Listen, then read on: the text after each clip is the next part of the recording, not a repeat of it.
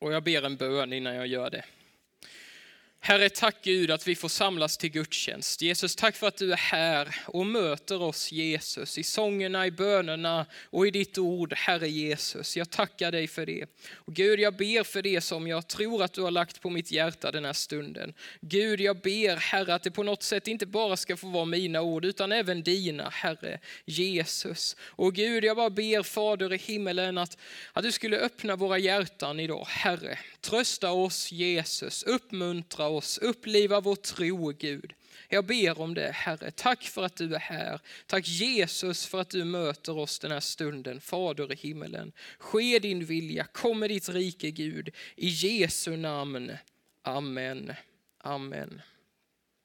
Amen. Hörrni, ibland är det så att man när man förbereder en predikan att man inser att ja, men det här är ju sånt som jag behöver höra. Och, eh, Idag så får ni vara med på min bearbetning lite. Jag är ledsen, men jag hoppas att det också ska få ge dig någonting. Eh, och ja, ge dig något idag ifrån Herren. Jag har pratat om tidigare den här maktlösheten som man kan känna idag. Jag vet inte om du känner den, men jag känner den när jag läser nyheterna Eh, när jag ser vad som sker och händer i vår värld. Varje dag så hör vi om värre och värre saker som sker i Ukraina. Jag tänker på våra vänner som vi har från församlingen där nere och allt som sker och händer. Och DN hade i fredags en rubrik, en artikel. Eh, rubriken var så här, fem kriser i skuggan av kriget i Ukraina. Och de räknade upp fem saker som inte uppmuntrade en jättemycket. Alltså. Det pågår kriget i Jemen, har pågått i åtta år. Vi hör inte om det så jättemycket, men i åtta år sker det ett, har det pågått ett krig i Jemen eh, med en nöd utan dess like. Eh, och det ut, håller på att utveckla sig till ett inbördeskrig i Myanmar.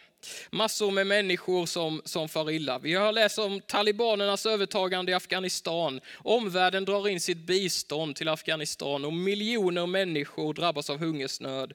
Libanon läser vi om, ett land som är på väg att kollapsa för att ekonomin är i fritt fall. Och 90 procent av landets vete och olja kommer från Ryssland och Ukraina.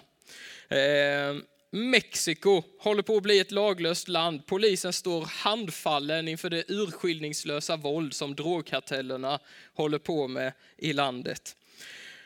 Och I en annan artikel i fredags, om man vill sjunka ännu längre ner i hålet, så kunde man läsa om hur det på Afrikas horn eh, Eh, på, sker just nu den värsta torkan på flera decennier. 1,4 miljoner barn i bara Somalia eh, lider av akut näringsbrist och 300 000 barn riskerar att dö innan sommaren. Och samtidigt pågår kriget i Ukraina som vi matas med nyheter varje dag. Och vad gör man? Tänker jag. Vad gör man? Och kanske en ännu så här större fråga, relevant fråga. Vad gör Gud?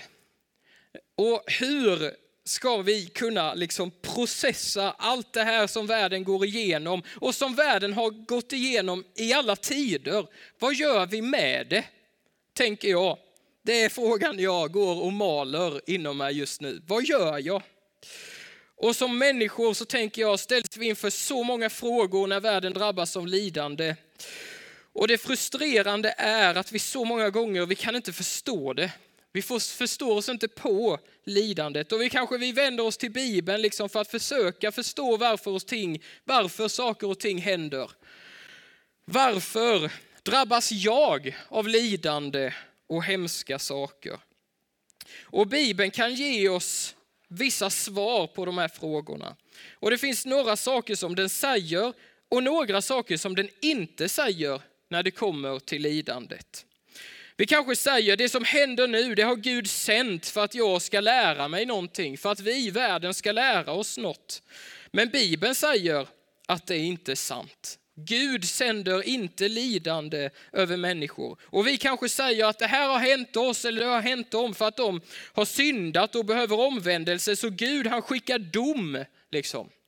Men Bibeln säger att det är heller inte sant. Så är det inte. Och vi kanske säger, ja men det måste ju finnas någon mening med lidandet. Men det säger också Bibeln att det finns ingen mening med lidandet. När Bibeln talar om lidande och ondska så är det den att det är något som inte var meningen från början. Att det var inte tänkt att det skulle vara så. Ondska är något främmande som inte hör hemma i Guds goda skapelse i grund och botten. Men eftersom vi läser att det har skett ett syndafall så talar Bibeln om att den här världen är lagd under förgängelsen. Nya, Nya testamentet beskriver den här tiden som vi lever i som ond. Vi lever i en ond tidsålder. Och Bibeln talar om några ställen om den här tidsålderns Gud som förstör, förleder och förvillar. Liksom. Och vem är det? Jo, det är djävulen. Det finns liksom en personlig makt bakom all den ondska som sker i världen. Och Bibeln säger att han, han är bara ute efter att stjäla, slakta, splittra, förgöra, riva isär. Det är hans namn. Och Bibeln berättar att det finns en ond makt i den här världen som drabbar dig och mig, som är aktiv, som korrumperar människor, enkla människor som du och jag, men också världsledare som gör att oskyldiga drabbas av lidande. Som gör det här gör att vi utsätts för olika former och grader av lidande i våra liv och i vår vardag och den här världen. Men den säger också att så här var det inte tänkt från början. Och så säger den också, vi har läst slutet, eller hur? Så kommer det inte vara för evigt. Gud för den här världen mot ett specifikt mål då han en gång för alla kommer göra slut på ondskan. Den ska få sin dom. Bibeln berättar att Jesus har dött och uppstått och regerar i himlen och därför finns det en väg genom lidandet för dig och mig och för alla människor. Och jag tror att vi kommer aldrig, det är där jag landar, vi kommer aldrig i det här livet helt och fullt förstå lidandet. Varför liksom? Jag tror inte det, särskilt inte när vi drabbas av det. Varför? Men vi kan göra någonting med det. Vi kan, vill jag hävda, navigera genom lidandet. Vi kan göra motstånd och vi kan bekämpa lidandet med Guds hjälp. Så nu ska vi läsa Bibeln. Så ta fram din bibel om du har den i bokform eller telefonform. Det spelar inte så stor roll. Vi ska läsa ett stycke som inte kommer upp på skärmen. Det är ett lite längre stycke. Ifrån Markus evangeliet kapitel 15. Och vi ska ta vårt utgångspunkt i en otroligt välkänd Jesusberättelse. Korsfästelsen, det är snart påsk, långfredag, men vi tar en spoiler alert, spoiler nu, om vad som händer om två veckor. Markus evangeliet kapitel 15 och vers 21. De hejdade en man som just kom in från landet, Simon från Kyrene, far till Alexander och Rufus. Honom tvingade de att bära Jesu kors. De förde Jesus till den plats som kallas Golgata, som betyder dödskalleplatsen. De försökte ge honom vin blandat med myrra, men han tog inte emot det. Och de korsfäste honom, delade hans kläder mellan sig genom att kasta lott om vad var och en skulle få. Det var vid tredje timmen som de korsfäste honom. På anslaget med anklagelsen mot honom stod det skrivet judarnas kung. Tillsammans med honom korsfäste de två rövare, den ene på hans högra sida, den andra på hans vänstra. De som gick förbi hånade honom, skakade på huvudet och sa, ha, du som river templet och bygger upp det på tre dagar, fräls dig själv då och kom ner från korset. På samma sätt förlöjligade översteprästerna de skriftlärde honom och sa till varandra, andra har han räddat, men sig själv kan han inte rädda. Han är Messias, Israels kung. Nu får han ju komma ner från korset där så att vi får se det och tro på honom. Också de som var korsfästa tillsammans med honom hånade honom. Vid sjätte timmen kom ett mörker över hela landet som varade fram till nionde timmen. Vid nionde timmen ropade Jesus med hög röst Elohi, Elohi, lema sabachthani. Det betyder min Gud, min Gud, varför har du övergivit mig? Några av dem som stod där hörde det och sa, hör han ropar på Elia. En av dem sprang och fyllde en svamp med ättiksvin, fäste den runt en käpp och gav honom att dricka och sa, vänta så får vi se om Elia kommer och tar ner honom. Men Jesus ropade med hög röst och gav sen upp andan. Då brast förhänget i templet i två delar, uppifrån och ända ner. Och när officeren som stod framför honom såg att han gav upp andan på det sättet sa han, den mannen var verkligen Guds son. Hörni, vi kan se på vår sargade, söndrade värld och ibland vårt sargade, söndrade liv och ställa frågan, Gud, varför gör du inget? Men saken är den att Gud, han har gjort någonting. Och när Gud ska ta itu med världens lidande och ondska så gör han det genom att själv lida och dö. Gud gör det. Gud gör det. Och Bibeln är tydlig, väldigt tydlig, att när Jesus dör där på korset så händer det någonting som gör att världen är annorlunda. Det finns ett före och ett efter den första långfredagen. Bibeln säger att Jesus lidande och död har kraft att förändra ett människohjärta och ditt och mitt inre. Kolosserbrevet 2.15 säger så här att Jesus han avväpnade härskarna och makterna. Han gjorde dem till allmänt åtlöje när han triumferade över dem på korset. Hur ska vi bemöta allt det här lidandet som finns och sker i vår värld? Jo, genom att gå Jesus väg. Genom att göra som Jesus, genom att gå lidandets väg. Därför att det avväpnar härskarna och makterna i den här världen. När Gud ska förändra världen så gör han det genom att bli människa. Han gör det genom att identifiera sig med var och en av oss, med dig och ditt liv. Han gör det genom att identifiera sig med den som lider, genom att ta världens lidande på sig, genom att i ditt och mitt ställe dö för den här världens skull. Och vi uppmanas att följa hans exempel. Det är det som resten av Nya Testamentet handlar om. Följ Jesus. Att avsäga oss vår bekvämlighet, att gråta med dem som gråter och självutgivande ge oss till våra människor. Och när Jesus ska rädda och förändra den här världen, då handlar det alltid om människor. Och ibland är det så, jag vet inte om du tänker så, men ibland när man möter människor som lider på något sätt så tänker man, varför gör ingen någonting? Varför ställer inte kommunen upp här och hjälper den här människan som behöver det? Eller varför ställer inte staten upp liksom? Eller var finns världssamfundet någonstans? Men när Jesus talar om att lindra den här världens nöd så handlar det alltid om dig och mig, om oss som gemenskap, om hans kyrka. Det handlar om att gråta med dem som gråter.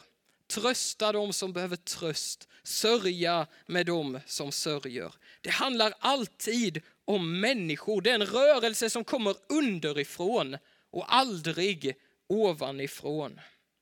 Och när Jesus ska rädda och förändra den här världen, när han ska ta itu med lidandet, så handlar det alltid om människor. När han har dött och uppstått så ger han sina lärjungar, sin kyrka ett uppdrag. Han förklarar hur de ska förändra världen, besegra den här världens lidande. Och han säger så här, gå ut och gör alla folk till mina lärjungar.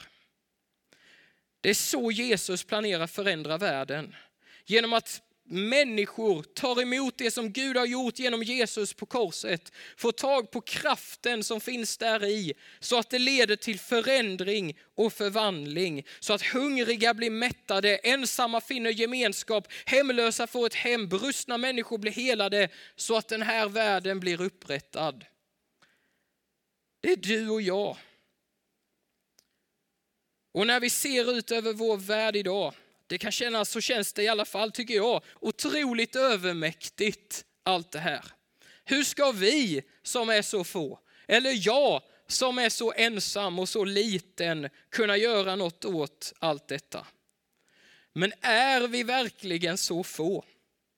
I världen idag så räknas ungefär 2,5 miljarder människor ser sig själva som kristna. Tänk om, vad skulle hända om dessa två och en halv miljarder faktiskt börjar leva ut Jesu budskap i evangelierna. Vad skulle hända? Världen skulle förändras, eller hur? Det skulle bli upp och ner alltihopa. Den första pingstdagen var det någonstans mellan 120 och 200 människor samlade. De har förändrat världen tillsammans med Jesus.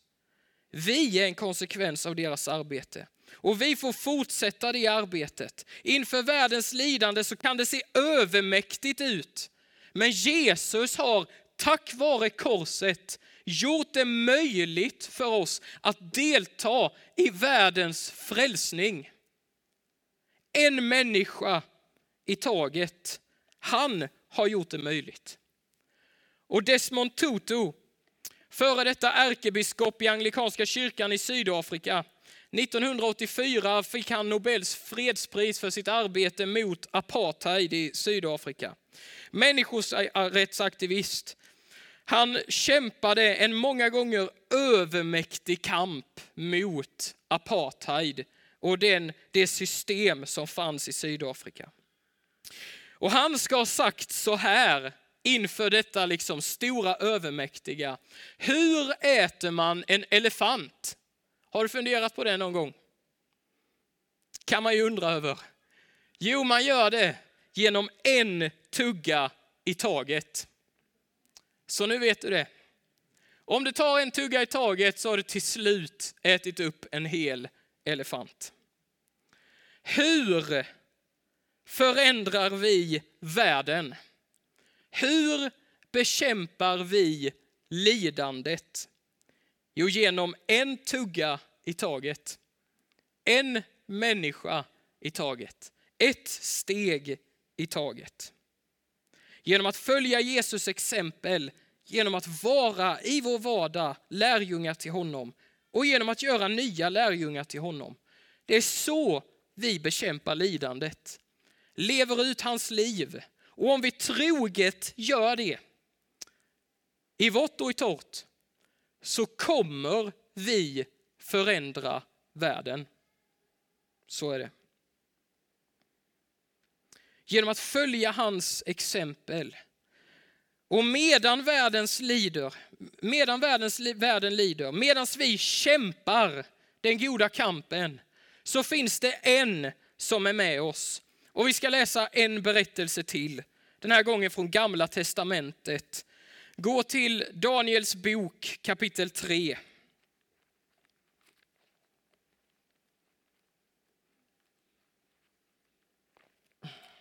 Nu är jag vims i huvudet.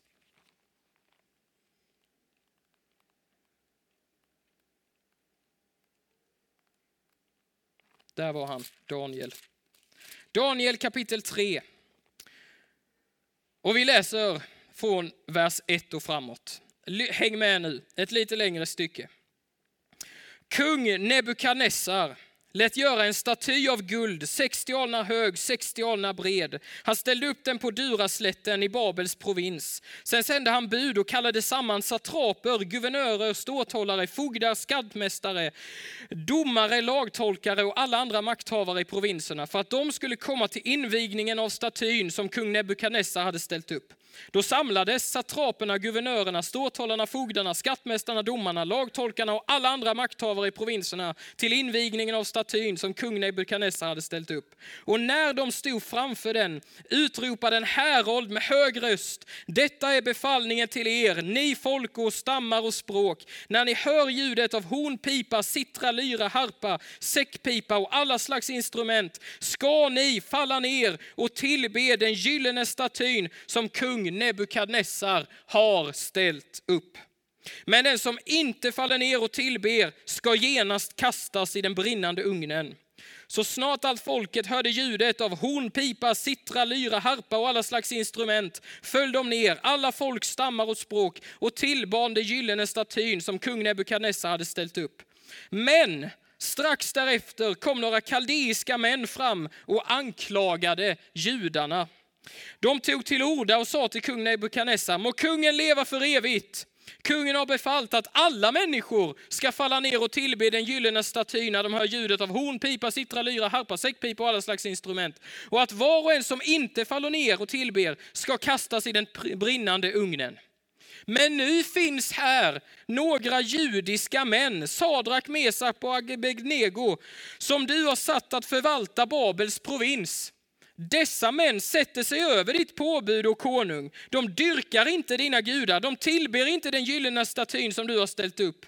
Då befallde Nebukadnessar i vrede och raseri att man skulle föra fram Sadrak, Mesak och Abednego. Och när man hade fört fram dem inför kungen sa Nebukadnessar till dem, är det sant att ni, Sadrak, Mesak och Abednego, inte dyrkar mina gudar och inte tillber den gyllene statyn som jag har ställt upp?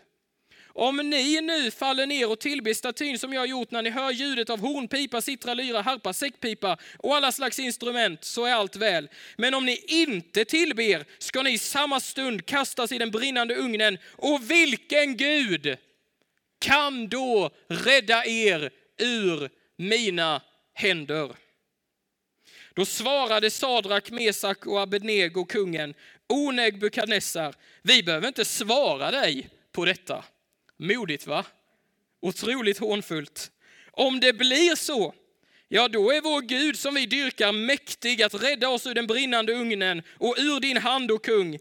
Men om inte, om det inte blir så att han räddar oss, då ska du veta, och konung, att vi ändå inte dyrkar dina gudar. Vi tillber ändå inte din guldstatyn som du har ställt upp. Då fylldes Nebukadnessar av vrede mot Sadrak, Mesak och Abednego så att hans ansiktsuttryck förvandlades. Han befallde att man skulle göra ugnen sju gånger hetare att man, än den någonsin skulle vara. Och han befallde några av de starkaste männen i hans här att binda Sadrak, Mesak och Abednego och kasta dem i den brinnande ugnen. Så bands de iförda sina byxor, mantlar, mössor och andra kläder och kastades i den brinnande ugnen. Men eftersom kungens befallning var så sträng och ugnen blivit så stark upphettad blev männen som förde dit Sadrak, Mesak och Abednego själva dödade av eldslågorna. Och de tre männen, Sadrak, Mesak och Abednego, föll bundna ner i den brinnande ugnen. Då blev kung Nebukadnessar förskräckt han reste sig hastigt, han frågade sina rådsherrar, var det inte tre män vi band och kastade i elden? de svarade kungen, jo visst och konung. Då sa han, men nu ser jag fyra män gå lösa och lediga inne i elden, helt oskadda. Och den fjärde ser ut som en gudason. Sen gick Nebukadnessar fram till den brinnande ugnens öppning och ropade, Sadrak, Mesak och Abednego, ni den högste Gudens tjänare, kom ut, kom hit. Då kom Sadrak, Mesak och Abednego ut ur elden. Och satraperna, guvernörerna, ståthållare och kungens rådsherrar samlades där och såg att elden inte hade haft någon makt över männens kroppar. Deras huvudhår hade inte svetts och deras kläder inte skadats. Man kunde inte ens känna att de luktade bränt. Nebukadnessar tog då till orda och sa, lovad är Sadrak, Mesak och Abednegos Gud som sände sin ängel och räddade sin tjänare. De litade på honom och gick emot kungens befallning och vågade sina liv för att inte tvingas dyrka eller tillbe någon annan gud än sin egen Gud. Världens makter kan inte förstå och kan inte ta till sig evangeliet. Det är en dårskap, skriver Paulus. Att mitt inför lidandet själv följa Jesus och säga, jag böjer mig inte. Jag kastar mig in i den brinnande ugnen om det så behövs. Jag följer honom in i lidandet. Gång på gång i Bibeln uppmanas vi, Guds folk, att stå upp mot orättvisor och lidande, att med Jesus exempel följa honom in i elden om det så behövs. Och när vi är där så är vi inte ensamma. Han är med oss och tack vare korset har elden ingen makt över oss. Kanske förlorar vi vårt liv, men elden har ingen makt över dig när du följer Jesus.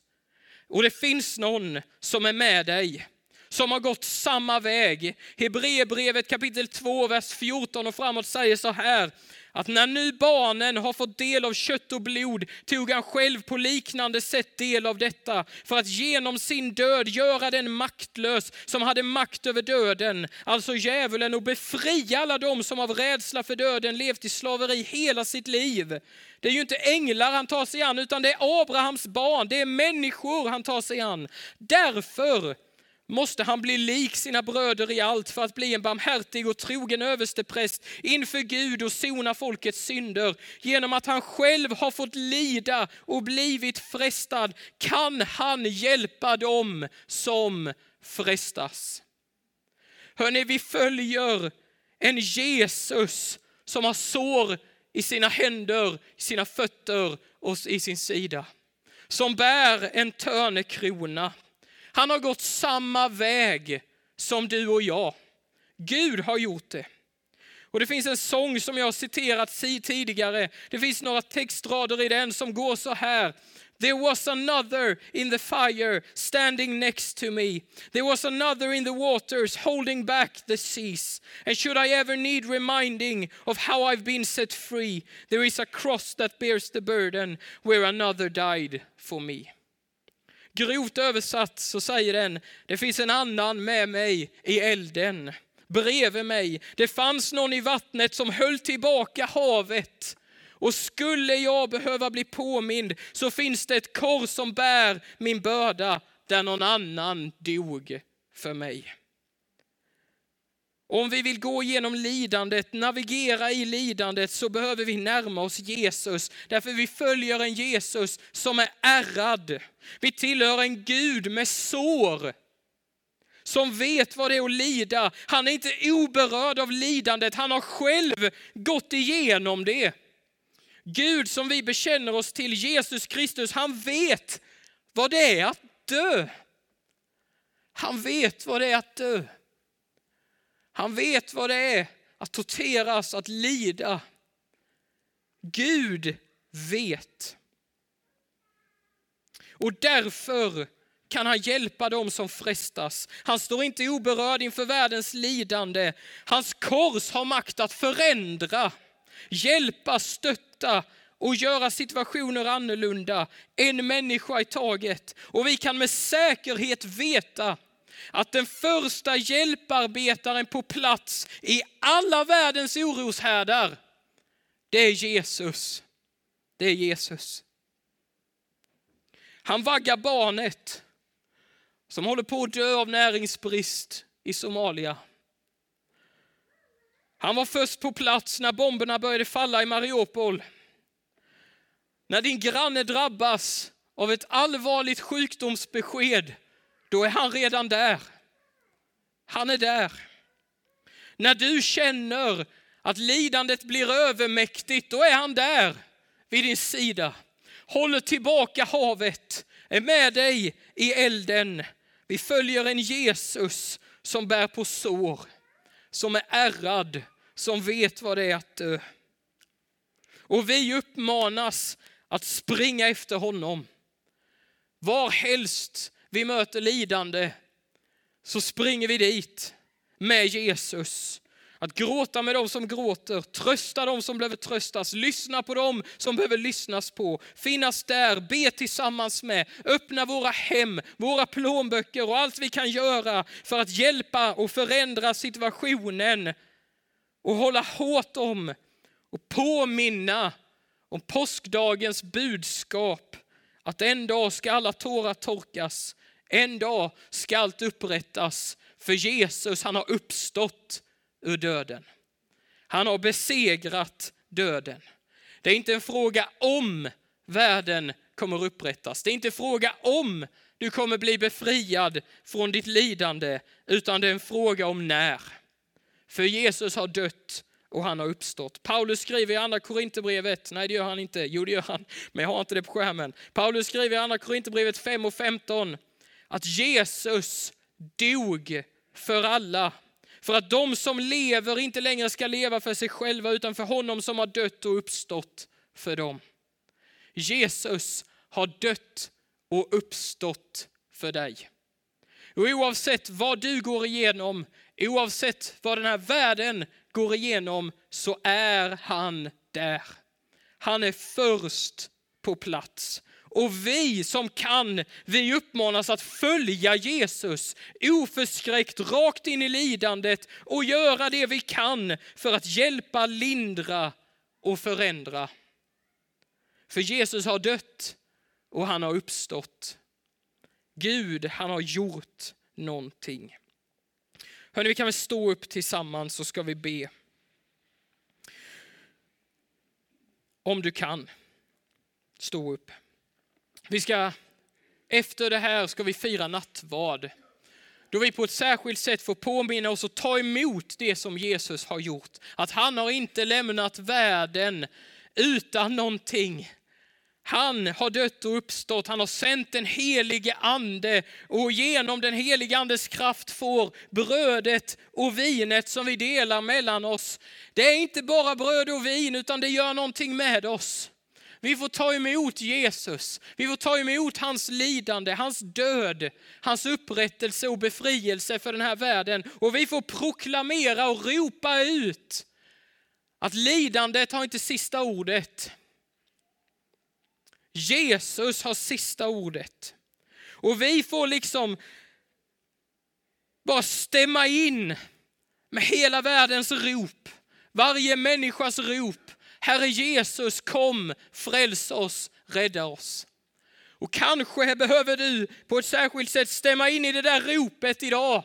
Herre, hjälp mig. Rädda mig, fräls mig. Eller kanske har du en vän du tänker på. Herre, hjälp den personen, fräls den personen. Då vet du att han är där. Han är först på plats. Han gråter mest. Han sörjer med dem som sörjer. Han gläder sig med dem som är glada. Och han har kraft att förändra, makt att förändra, för han har avväpnat alla härskare och makter. Elden har ingen makt, för Jesus Kristus har dött och uppstått. Hörni, låt oss be. Kanske har du något som du bär på i ditt inre. Kanske känner du eller upplever du ett rop på hjälp. Vet då att Jesus hör dig.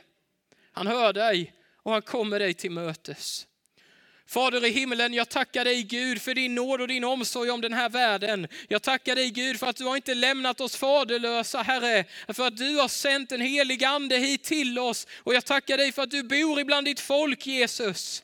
Herre, jag tackar dig för att vi får vara ett korsmärkt, korsmärkt gemenskap, därför att du bor ibland oss Jesus. Herre, jag tackar dig för att vi får följa dig in i världens lidande Gud. Att du har, inte, du har gjort någonting, Herre, som gör att världen är annorlunda.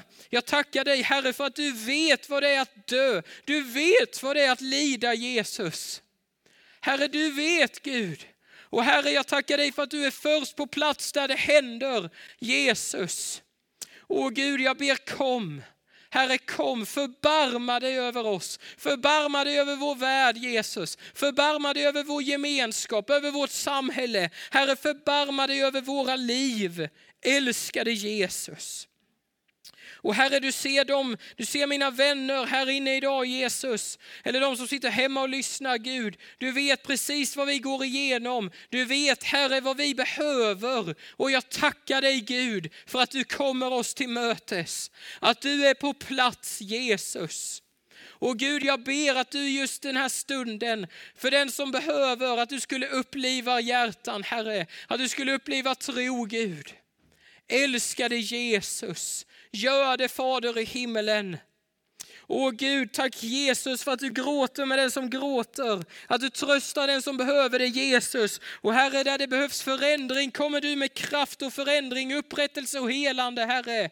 Älskade Jesus, jag tackar dig för att tack vare ditt kors, din död och din uppståndelse, så är det inte längre en fråga om, utan när, Herre Jesus, frälsningen kommer. När befrielsen kommer, Gud. Hjälp oss, Fader i himmelen, att frimodigt hålla ut, Herre.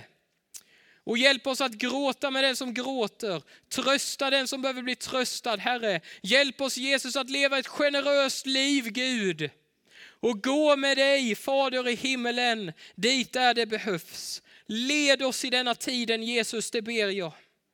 Led oss. Och Herre, hjälp oss, Gud, att svälja den där elefanten, Gud. Hjälp oss att ta nästa tugga, att ta nästa steg, Jesus. Hjälp oss att gå till nästa människa, Herre. Det ber jag om. Tack för att du leder oss. Herre, gör våra hjärtan mjuka våra öron öppna, Herre Jesus, och hjälp oss att se Gud det du ser, Herre. Fader i himmelen, ske din vilja, kom med ditt rike Gud. I Jesu namn. Amen. Amen.